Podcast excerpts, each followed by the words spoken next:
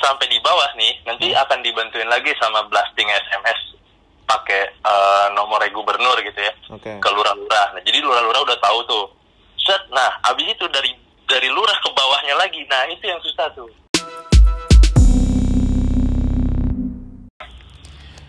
Oke, Rehan. Han gimana Han corona Han? Dia meluluh lantahkan Luluh lantahan segalanya. ya. kehidupan deh, semua. Oke nih, kita lagi ngobrol nih sama salah satu teman gue namanya Rehan. Dia kerja di Jakarta Smart City, bener Rehan ya? Bener-bener. Ya sekarang posisi dia di Depok. Eh, kita lagi teleponan untuk ngebahas sebenarnya apa sih yang dilakuin apa eh, government secara garis besar, khususnya mungkin di Jakarta Smart City tempat Rehan kerja untuk ngelayanin kita semua nih para warga Jakarta khususnya yang sedang struggle menghadapi situasi corona gitu. Nah, Han, Hmm? lu sebagai apa Han di Jakarta Smart City? Oke, kalau se- sekarang gue sebagai product trainer si divisi baru gitu. Hmm, product planner. Tapi lu sebelumnya eh, lu sebelumnya juga udah pernah ada beberapa posisi kan ya? Iya iya, dulu gue di field eh, opres- operasional di lapangan. Heeh. Terus gue sempet megang partnership juga sama beberapa perusahaan gitu. Terus sekarang gue pindah ke divisi yang baru. Oke, yang product planner ini ya. Product trainer ini, ha. Oh, jadi lu di Jakarta Smart City udah lumayan lama, terus udah ada tiga posisi lu di situ ya? Nah, tiga posisi. Oke, nah lu udah berapa lama nih kerja dari rumah? Kerja dari rumah gue dari tanggal 14 kalau gue nggak salah ya. 14, Hmm. Eh, 14 tuh hari Sabtu atau hari Minggu gitu. Pas hari Seninnya 16 berarti. Hmm, oke. Nah dari dari tanggal segitu lu kerja di rumah, 16 terus Maret. hmm, dari tanggal segitu lu kerja di rumah, terus yang lu rasain nih secara lu pribadi aja dengan pekerjaan sebagai product planner di Jakarta Smart City, itu kerja di rumah tuh seperti apa? Capek sih, lebih capek. Malah lebih capek ya? Iya, Lu soalnya bisa, bisa deskripsiin nggak? capeknya tuh karena eh ya karena ini semuanya jadi online kak. Biasanya gue kan harus tatap muka ya Hmm. di beberapa kecamatan gitu. Gue ditempatin di beberapa kecamatan. Terus kalau emang ada sesuatu gue langsung tatap muka, ikut rapat, lebih gampang gitu. ya. Hmm. Nah kalau sekarang kan eh semuanya serba online nih. Hmm, hmm, hmm, hmm. Kalau pergerakan sih emang jelas lebih gampang, tapi koordinasi justru kayaknya lebih malah lebih susah deh sekarang. Soalnya eh apa ya namanya? ya, Kalau nggak tatap muka tuh agak susah, apalagi beberapa ya gue nggak mendiskreditkan, tapi beberapa pegawai negeri sipil yang udah agak berumur itu agak susah buat catch up sama. Oh, iya Iya. sih itu itu menarik juga sih. Maksudnya sementara lo harus serba cepat karena masyarakat membutuhkan lo. Iya. Cuman orang-orang yang ada di dalamnya mungkin agak susah adaptasi sama apa bilangnya digitalisasi ini gitu ya. Iya. Nah, Gua- bisa dong ya tanpa mendiskreditkan sih yang pasti gitu. Iya betul betul Nah, betul. maksudnya lo sebagai anak muda yang ada di sana, lo gimana sih menghadapi ini apa eh, bapak-bapak dan ibu-ibu yang mungkin menurut lo kayak, aduh gini loh bu caranya, gini loh pak gitu, gimana? Iya, nah sebenarnya enggak semua kayak gitu, ta- tapi Hmm. ada beberapa tuh emang emang yang emang yang agak sulit tuh ada ada banget. Hmm. Nah, yang lebih susah lagi adalah ketika misalkan gue koordinasi sampai tingkat kelurahan gitu ya. Oke. Nah, di tingkat kelurahan kan bawahnya tuh ada RW, ada RT lagi kan. Oh lu nih lu berarti eh, bekerja sebagai orang yang langsung berhubungan sama RT, RW, Pak Lurah gitu-gitu ya? Iya, Oh, iya. oke, oke. Tapi Terus, gue rata-rata biasanya sampai ke tingkat kelurahannya aja sih. Kalau Hmm, RW, oke, RT itu udah urusannya kelurahan. Oh, Oke oke lalu Nah, lalu. nah biasanya gue kalau koordinasi ke kelurahannya atau ke kecamatannya gitu ya. Habis Hmm. itu kan mereka ke bawah lagi tuh ke tingkat RW dan RT. Iya. Nah itu untuk untuk isi survei aja itu agak susah gitu loh. Oke. Isi survei yang secara digital gitu ya. Lu atau pakai ini Google Form gitu ya? eh ada Google Form, ada apps-nya juga yang kayak Oh. gitu-gitu. Oke oke. Itu itu yang yang yang gua gua kira oh ini tatap muka aja masih agak susah gitu masih harus perlu bimbingan teknis ina Hmm. itu apalagi yang nggak tatap muka gitu. Sebenarnya Oh. sih yang Muhammad itu aja sih. Oke, berarti lu apa eh harus adaptasi untuk sesuatu yang apa ya? Kayak selain pekerjaan lo juga harus selesai, lo harus ngajarin orangnya juga untuk untuk nyelesain itu. Oke, oke. Nah, terus kalau dari tim lo sendiri di kantor lo gimana? Nah kalau kalau di Jakarta Smart City sih semuanya berjalan berjalan lancar aja gitu. Eh, terakhir juga kayaknya Smart City juga ngeluarin konten di di Instagramnya gitu ya maksudnya Hmm. eh, pola-pola kerjanya smart city sekarang kayak gitu Hmm. ya kayak kayak orang-orang pada umumnya lah zoom Mhm. kayak gitu-gitu meeting zoom terus eh ya pakai Slack apa atau pakai lu pakai Trello atau ada yang pakai apa lagi sih eh, tools-tools Iya, yang kayak kayak gitu gitu-gitu lah ya. Nah, tools-tools kayak gitu tuh masih dipakai masih terus kalau di kalau di smart city-nya sih berjalan aja sebenarnya nah Hmm. yang agak menghambat itu ya udah ketika kalau udah koordinasi ke dinas-dinas lain ke kecamatan ke kelurahan nah itu yang agak susah tuh Nah, nah itu kan berarti dinas-dinas itu kan eh, lo koordinasi juga tuh. Nah, tadi kan lo bilang kalau sama apa lurah ya? Itu kan salah satunya Muhammad ngisi survei apa segala macam. Nah, kalau sama yang si dinas-dinas ini urusan lo sama mereka apa? Nah, kayak survei-survei, ini kan ada survei baru soal COVID-19 ini ya, baru Hmm. dibikin sama uh, Biro Pemerintahan namanya kalau di di Pemprov. Heeh. Nah, Biro Pemerintahan ini bikin sesuatu survei yang itu sampai ke tingkat RW, Mhm. jadi uh, pendataan lansia, ina itu ber- uh, usia berapa yang kayak gitu-gitu, penyakitnya dan lain-lain, Hmm. daftar-daftar penyakit itulah semua. Nah, itu dibikin sama mereka Oke. daftar pertanyaan surveinya. Setelah itu hmm, dikoordinasikan sama tim gue nih. Heeh. Nah nanti dari tim gue ini yang yang ngebrief ke bawahnya lagi kayak gitu loh. Oke.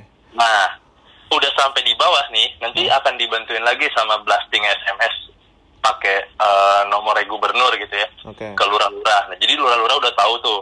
Set, nah abis itu dari dari lurah ke bawahnya lagi. Nah itu yang susah tuh. Hmm. Nah, mereka gue untuk gimana tuh? mengkoordinasiin itu ke kelurahan itu, itu yang agak susah karena lurah juga agak susah kan. Ah, sementara di bawah situasinya juga semuanya lagi pada ketakutan gitu kan. Heeh. Dan pendataan itu juga lu ada yang mungkin RW-RW yang harus langsung keliling-keliling ke RT-RT yang kayak gitu harus keluar. Oke. Itu yang agak susah. Tapi ada nggak sih maksudnya sebenarnya mereka kan bisa koordinasi lewat telepon, lewat Heeh. online gitu. Cuman karena emang karakternya udah kayak ah biarin deh biar kerjaan gue selesai gue samperin aja deket ini gitu kan akhirnya mereka Iya. gitu ya Iya betul. Padahal Malah ber- padahal tuh apps apps gampang. Maksudnya tinggal di WA aja gitu kan. Eh, ini kayak gini, daftarnya kayak gini. Terus ya udah dia yang masukin le- lewat apps itu. Hmm. Harusnya se- semudah itu, tapi mungkin karena situasi juga atau gimana gue gak ngerti. Heeh. Jadi agak terhambat kayak gitu sih. oh berarti lu ada lu berarti kontribusi langsung sama program pemerintah untuk menanggulangi COVID-19 ini ya Han ya? Iya masuk juga ke dalam ke dalam situ secara nggak langsung semuanya jadi main Jadi ngurus. bantu-bantuan lah. Hmm, nah berarti pekerjaan lo yang lain itu tetap jalan atau semuanya di freeze dulu mungkin terus fokus semua ke COVID-19? Nah, eh, sebenarnya gue ada ada dua project Heeh. yang lagi jalan sebelum si COVID-19 ini. Heeh. Itu akhirnya jadi jalan tapi selangkah-selangkah pelan-pelan gitu. Oke, tapi timelinenya mundur juga. Timelinenya jadi mundur. Akhirnya si COVID-19 ini yang diutamain dulu nih Di, sekarang. di, diutamain ya. Oke, nah tapi semuanya bisa bisa ngerti kan kalau keadaan kayak gini harus diprioritasin. Akhirnya kan eh eh, yang udah jalan agak ditinggal dulu gitu kan ya. Oh iya iya iya. Oh, iya. soalnya Itu kan- karena mau gimana mau nggak mau nggak mau sih situasi soalnya. Iya. Soalnya kan masih ada nih teman-teman kita yang apa kayak anak-anak syuting gitu kan masih jalan syuting di luar rumah yang kayak gitu-gitu kan.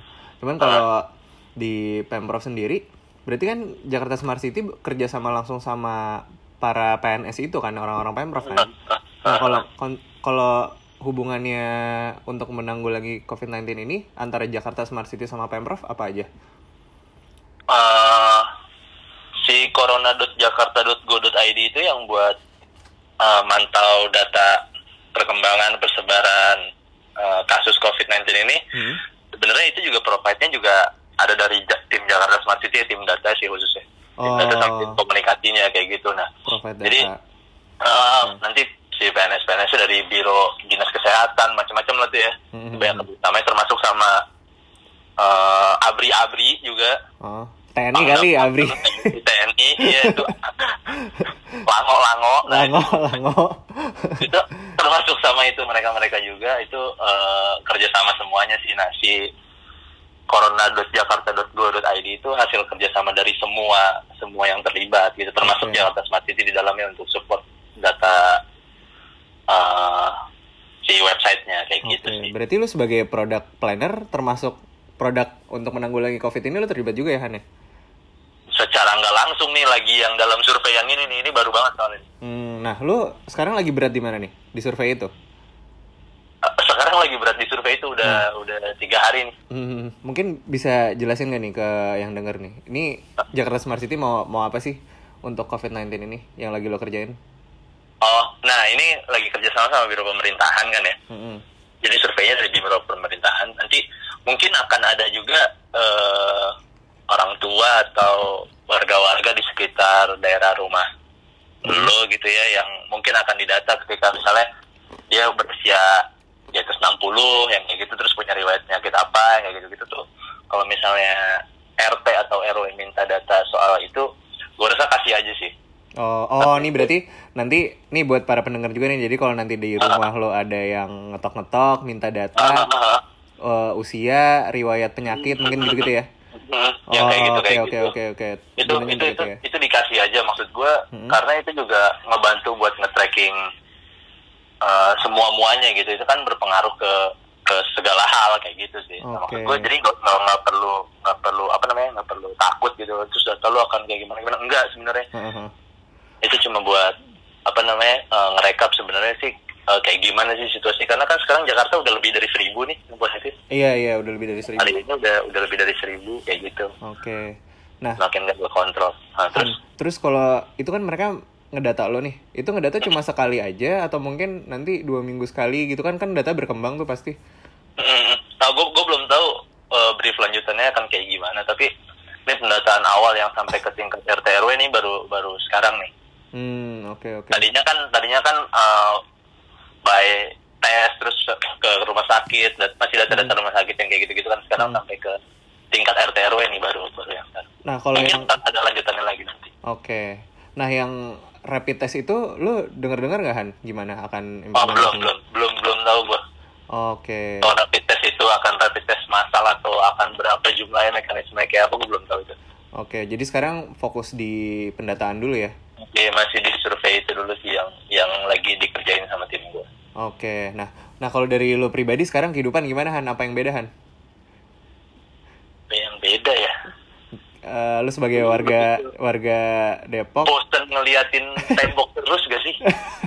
tembok gue terus. udah capek sih ngeliatin tembok sama layar tapi maksud gue gue juga bisa ngerti situasinya. Gue keluar tuh kalau beli bahan makanan doang. Hmm. Bener-bener kayak beli bahan makanan ya paling beli kebutuhan-kebutuhan lah kalau nggak ada perlu gak bakal keluar sih. Kayak Walking Dead gitu ya? Iya, nah tapi tapi ini menurut gue juga mesti diperhatikan sih Apa tuh? eh, gue yakin emang semua orang bosen nih tapi beneran di rumah aja tuh beneran ngebantu loh Iya pasti pasti pasti. Nah Itu bener mungkin lu dari dari Jakarta Smart City kan lu terpapar data yang paling real dan paling baru gitu kan. Terus kebijakan-kebijakan pemerintah juga mungkin kita eh, lu lebih paham lah dari kita gitu. Mungkin ada nggak informasi-informasi yang lu dapat dari eh, kantor lo dari Jakarta Smart City yang bisa di share ke pendengar? Eh, apa aja nih yang mungkin kita belum tahu? sebenarnya rata-rata udah semua lo tahu sih tapi Hmm. sekarang situasinya adalah karena udah lewat dari 14 hari imbauan diam di rumah ini Hmm? orang-orang mulai merasa it's gonna be the new normal gitu loh Oh iya, it's gonna be the new nah normal ya. terus kayak akhirnya ya udahlah nggak apa-apa udah mulai nggak apa-apa sebenarnya tuh sebenarnya nggak kayak gitu situasinya tapi benar-benar di rumah aja akhirnya di, di gubernur kan baru ngeluarin instruksi lagi soal diam di rumah ini kalau gue nggak salah sampai tanggal 19 April deh. Hmm, iya 19 Di, April. ya. diperpanjang lagi masa masa karantina wilayah ini Heeh. untuk campaign diam di rumah ini sampai 19 April itu itu udah keluar instruksi gubernurnya kalau gue nggak salah ya. Hmm. Nah maksud gue sampai keluar lagi itu tuh karena emang itu seberpengaruh itu. Hmm. Jadi kita mikirnya kalau eh, asa, eh, kalau salah satu instruksi itu dilakukan kembali berarti itu solusi yang benar ya? Iya itu itu Hmm. itu emang emang sulit kayak mungkin lo semua juga pernah ngeliat soal wali kota Tegal. uh, ya? di beberapa kota di Italia yang akhirnya mereka pada Oh, marah-marah. yang Ada Italia. yang nggak dengar itu kan? Heeh. Itu kan banyak banget tuh kota-kota mereka banyak marah-marah wali kota. Hmm. Karena itu emang berpengaruh. Hmm. Makanya akhirnya imbauan itu di, dikencengin lagi, dikencengin lagi dan itu campaign itu nggak pernah putus sampai sekarang kan? Iya. Karena emang nggak bisa hmm, orang-orang yang kayak kita nggak bisa melakukan apa pun selain selain hal itu sih Hmm, hmm, hmm. iyalah. Terus kalau kalau mungkin lo denger nggak kan eh, pemprov pasti berkoordinasi juga tuh yang tadi lo bilang sama eh, TNI sama polisi apa segala macam untuk nyuruh orang di rumah itu challenge saya seperti apa sih? Nah Kan kita lihat kan orang pada nongkrong kan udah emang nggak bisa ditahan kan? Nah, satu, satu minggu ke belakang itu eh petugas-petugas kelurahan itu kayak satpol pp, PPSU itu Iya, semua iya. tuh mereka ada ada orang-orang yang keliling. Gue atau di rumah lu ada berasa nggak orang-orang keliling terus kayak sama polisi bareng Wah iya tahu sih gua. Han. Jadi Iya. Eh, orang-orang keliling yang kayak kita dengernya kayak ini kayak tukang tahu bulat nih. Iya, taunya, tahu iya, taunya orang suruh pada no- di rumah, terus Iya. ambulans Iya. bolak balik anjir serem banget gua. Nah, itu kayak iya, itu, muter. itu, deh. itu sejak sejakarta itu. Hmm, terus Jakarta kayak gitu ya. Iya. Ini berarti Eh, mereka untuk harus menjangkau ke pemukiman-pemukiman gitu ya kayak mereka bawa mobil bak gitu yang ada toanya terus eh, ya ada polisinya ada anggota kelurahan ada sem eh, TNI dan Polri bersatu itu kan kayak di spanduk-spanduk yang sering lu lihat. Iya iya iya iya. Ya, kayak gitu kayak gitu. Nah mereka menghimbau ke warga-warga di daerah pemukiman keliling pakai toa sampai kayak gitu. Hmm, karena emang bandel-bandel kita warganya emang emang parah. Kemarin gue eh emergency juga keluar gitu keluar rumah. Gue lewat daerah Pondok Indah banyak yang trek-trekan Han iya banyak kacau kan trek-trekan bocah-bocah. Nah iya, akhirnya akhirnya sekarang tuh udah diambil langkah buat keliling kayak gitu, jadi biar bisa langsung dibubarin kalau mereka ngeliat. apa mungkin di ini gak sih Han? Maksudnya kalau emang nggak bisa dibilangin juga gitu kan sempat ada apa mau dipidana ya denda, denda apa gimana gitu? Gue sempat denger itu tuh. Kira-kira kalau kalau kayak gitu menurut lo solusi yang oke nggak? Enggak sih. tapi mendingan diapain menurut lo? Karena kan di India dipukul-pukulin orang-orang Ah, segala macam kan nah ini orang Jakarta nih eh, orang Indonesia nih orang Jakarta khususnya mending, eh, mendingan diapain nih kalau misalnya emang emang harus langsung dibubarin langsung, nggak perlu dipidana. Misalnya ya kayak si keliling-keliling itu tuh menurut gue juga cukup langkah yang cukup real dan konkret dan cukup oke lah. Jadi Hmm. bahkan ibu-ibu pengajiannya udah nggak kedengeran lah sekarang. iya udah dibubarin ya Kan, Iya siang-siang ada suka dari toa, nah itu itu tuh bener-bener udah nggak ada sama sekali sekarang. Gue Hmm. gue sih nggak pernah denger itu lagi sekarang. oke oke Nah yang kayak gitu-gitu tuh emang emang harus langsung dibubarin kalau soal dipidana. Nah itu ya orang sekarang aja masih banyak yang mudik. iya sih itu juga itu juga tuh Itu- yang yang rada itu juga sih yang rada rebek nah kalau di wilayah lu sendiri di Depok gimana Han banyak yang keliling-keliling gitu juga Gue udah lama nggak nggak di Depok sebenarnya, tapi Hah. gue masih kontekan terus sama keluarga gue. Lalu lu di mana? Sekarang gue di Pancoran. oh lu di Pancoran sekarang Iya. nah berarti ya gue di Pancoran. oke Nah, di terus, pusat kota ya eh, terus terus apa namanya eh, kata bokap nyokap gue gitu segala macam semua sih emang ah, wilayah jadi lebih sepi jadi lebih sepi Mm, mm, mm. Ta- tapi kebetulan adik gue juga tugas di puskesmas gitu ya tapi Oh, emang emang random sih orang-orang tuh yang masih ngumpul tuh yang masih banyak kadang-kadang yang kayak gitu-gitu itu emang emang emang susah Emang terus akhirnya juga puskesmas gitu. juga mengambil langkah itu yang mobil itu keliling-keliling sama kayak di Jakarta Hmm, jadi- itu mobil keliling bukan berarti lagi ngangkat ngangkat orang sakit kan ya? enggak belum tentu Oh, oke. Iya, Gue kira itu iya. kayak anjir tuh soalnya sering banget Han. Gue kira kayak anjir nih nih orang ber, ber, ber- berguguran nih ambulan sampai setiap hari kayak gini gitu. Tapi belum tentu ya. belum tentu tapi yang Oke. ambulan ambulan ambulan DKI sibuk tuh beneran emang sibuk sih Oh, kayak emang sibuk ya. Nah, Itu patroli kan berarti. iya ada yang patroli kayak gitu gitu pokoknya Oke. lu kalau kalau lu pagi udah udah kedengeran deh kalau di Hmm, hmm, hmm. rumah lu deket jalan raya gitu ya tuh Iya, gampang iya. kedengeran kok. Nah, terus gini nih Han, waktu zaman apa? Zaman Ahok dulu kan itu Jakarta Smart City kan jadi satu suatu apa ya hub gitu buat orang-orang yang ngaduin segala sesuatu tentang Jakarta gitu. Jalanan bolong lah apa terus got mampet segala macam gitu kan. Nah itu jadi jadi orang pengaduan kalau misalnya ada orang gejala corona juga nggak sih? Namanya orang kan ngadu bisa ke mana aja kan? Oh iya Hmm, iya. nah itu bisa diceritain nggak itu challenge gimana? Nah, eh gue beberapa kali tempat bantuin tim orang eh, anak-anak kanal pengaduan juga ya, karena emang lagi lotnya lagi tinggi ternyata. nah ya kanal pengaduan pasti tinggi juga tuh ya Iya, tinggi banget, tinggi Ah, banget. nah terus Nah, terus itu tuh banyak pengaduan eh, dari warga-warga yang kantornya mereka belum ngeliburin. Oh, bukan belum iya, iya. belum belum menginstruksikan untuk Libur. uh, WFH gitu WFH, ya. oke. Uh, nah akhirnya ada beberapa uh, pelapor bukan beberapa sih banyak banget. Pelapor-pelapor yang mohon buat kayak uh, gubernur tolong ditindak dong soal perusahaan-perusahaan ini atau tolong dihimbau untuk bikin uh, perusahaannya jadi WFH kayak gitu-gitu kebijakan Oke. WFH lainnya kayak gitu itu itu banyak banget. Banyak banget ya. banyak banget laporan kayak gitu. Karena emang ternyata situasinya banyak banget perusahaan. Eh gue yakin sih tapi emang semua perusahaan bisa nerapin WFH gitu ya Iya sih. Kayak temen gue dia kerja di salah satu perusahaan logistik gitu. Di JNE lah sebut aja gitu. Kayak JNE gitu. Itu masih masuk. nah iyalah Karena pengiriman logistik. pasti lotnya tinggi banget. iya Nah, kalau kayak gitu sikapnya gimana Han kalau dari Pemprov? nah kemarin sih eh, sejauh ini tindak lanjutnya itu baru ngasih eh, keputusan gubernur itu kan ada ada surat keputusannya untuk kayak ngeluarin kebijakan eh, work from home dan lain-lain kayak gitu-gitu kan Hah. akhirnya eh, tindak lanjutnya kemarin masih sejauh surat itu dikirim ke eh, perusahaannya langsung Oke, dikirim ke kayak gitu. perusahaan Nah, langsung. tapi ah, itu nggak efektif 100% tapi ada Hmm. yang akhirnya meliburkan Menurun lah ya. akhirnya, akhirnya jumlahnya menurun kayak uh, pengguna MRT, pengguna KRL, pengguna LRT itu kan semuanya juga jumlahnya menurun kan Hmm, pasti.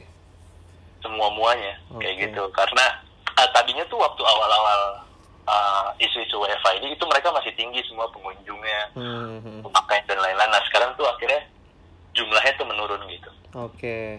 Nah, kalau selain orang yang mengadu masih disuruh masuk sama perusahaannya, kira-kira ada aduan-aduan apa lagi? Kan biasanya kan kan kadang-kadang orang Indo kan aneh-aneh ya. Orang mau bantuin korban aja malah ditimpukin batu, ambulansnya. Tahu kan lu yang kayak gitu? Nah, di Jakarta iya iya. terjadi nggak sih kayak gitu dan infonya masuk nggak sih ke Jakarta Smart City? Mungkin Nah, tahu gitu.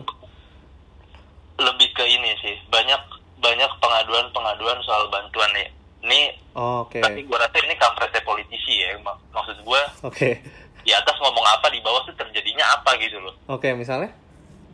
misalnya eh, kayak misalnya pidato Jokowi soal ini akan diringankan pajak kendaraan bermotor Oke. eh, cicilan motor ina itu ina itu gitu ya Hmm.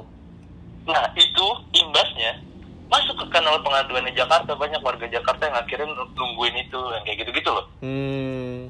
Nah itu kita bingung tindak lanjutnya ini mesti gimana tindak lanjutnya gitu. Padahal pidatonya itu belum sinkron sama program Pemprov yang which is Iya, lo ada di situ. iya, oh iya iya iya iya. gitu. Nah itu itu banyak banget tuh kayak gitu. Terus eh, soal bantuan kalau WFA nih mesti dapat eh, keluarga dapat bantuan ini kalau nggak salah pidato Anies Hmm, Oke. dapat akan dapat bantuan berapa ratus ribu gitu selama Haha. berapa lama nah itu akhirnya ditanyain semua nanyain ini gimana ini dapat nggak bantuan yang kayak gitu-gitu Wah banyak, bener-bener repot lo ya pasti ya.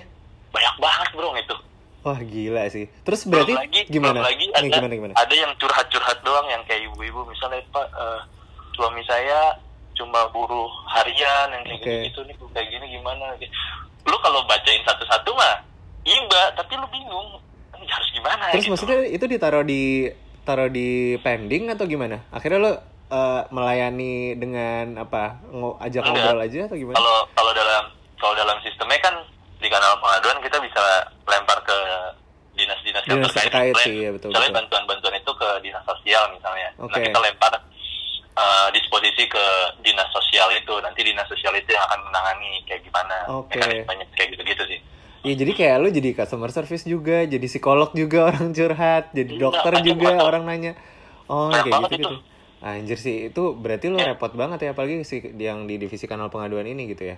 iya iya di divisi kanal pengaduan emang emang lagi penuh banget ini Hmm, kan tapi ada juga tuh Han uh, relawan untuk psikolog kayak gitu-gitu. Mungkin kalau diintegrasiin sama uh, Jakarta Smart City juga lebih oke kali ya.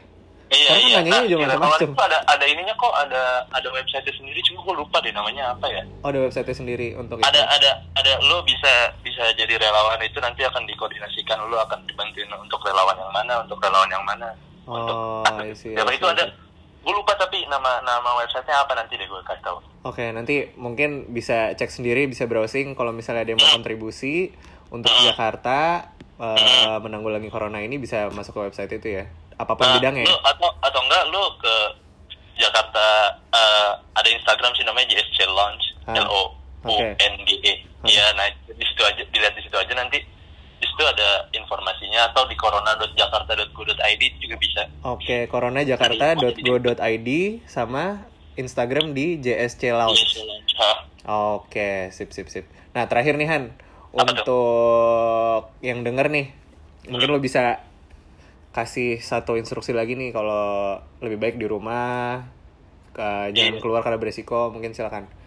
Iya, ka- kalau menurut gue sih emang sekarang situasinya juga ya kalau dibilang bosen, gue rasa semua udah bosen ya, udah dua minggu lebih gitu.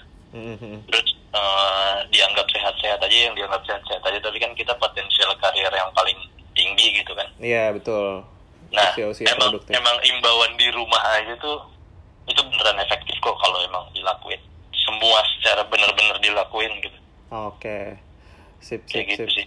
Oke, thank you Han atas Hmm, sip, waktunya. Gue tahu lo ribet banget, pasti kan banyak meeting dadakan. Kemarin Sabtu juga lo meeting dadakan. Ya? Eh, semoga coronanya cepat hilang, cepat Iya, selesai. Eh, apa? Yang pada sakit juga pada sembuh lagi. Iya. Terus semuanya bisa kembali normal. Oke, mungkin Sip. di ceritanya interview kali ini kita ngobrol sama teman kita dari Jakarta Smart City, Rehan. Thank you Heeh. atas waktunya ya. Yuk, sama-sama. Yo. Yuk.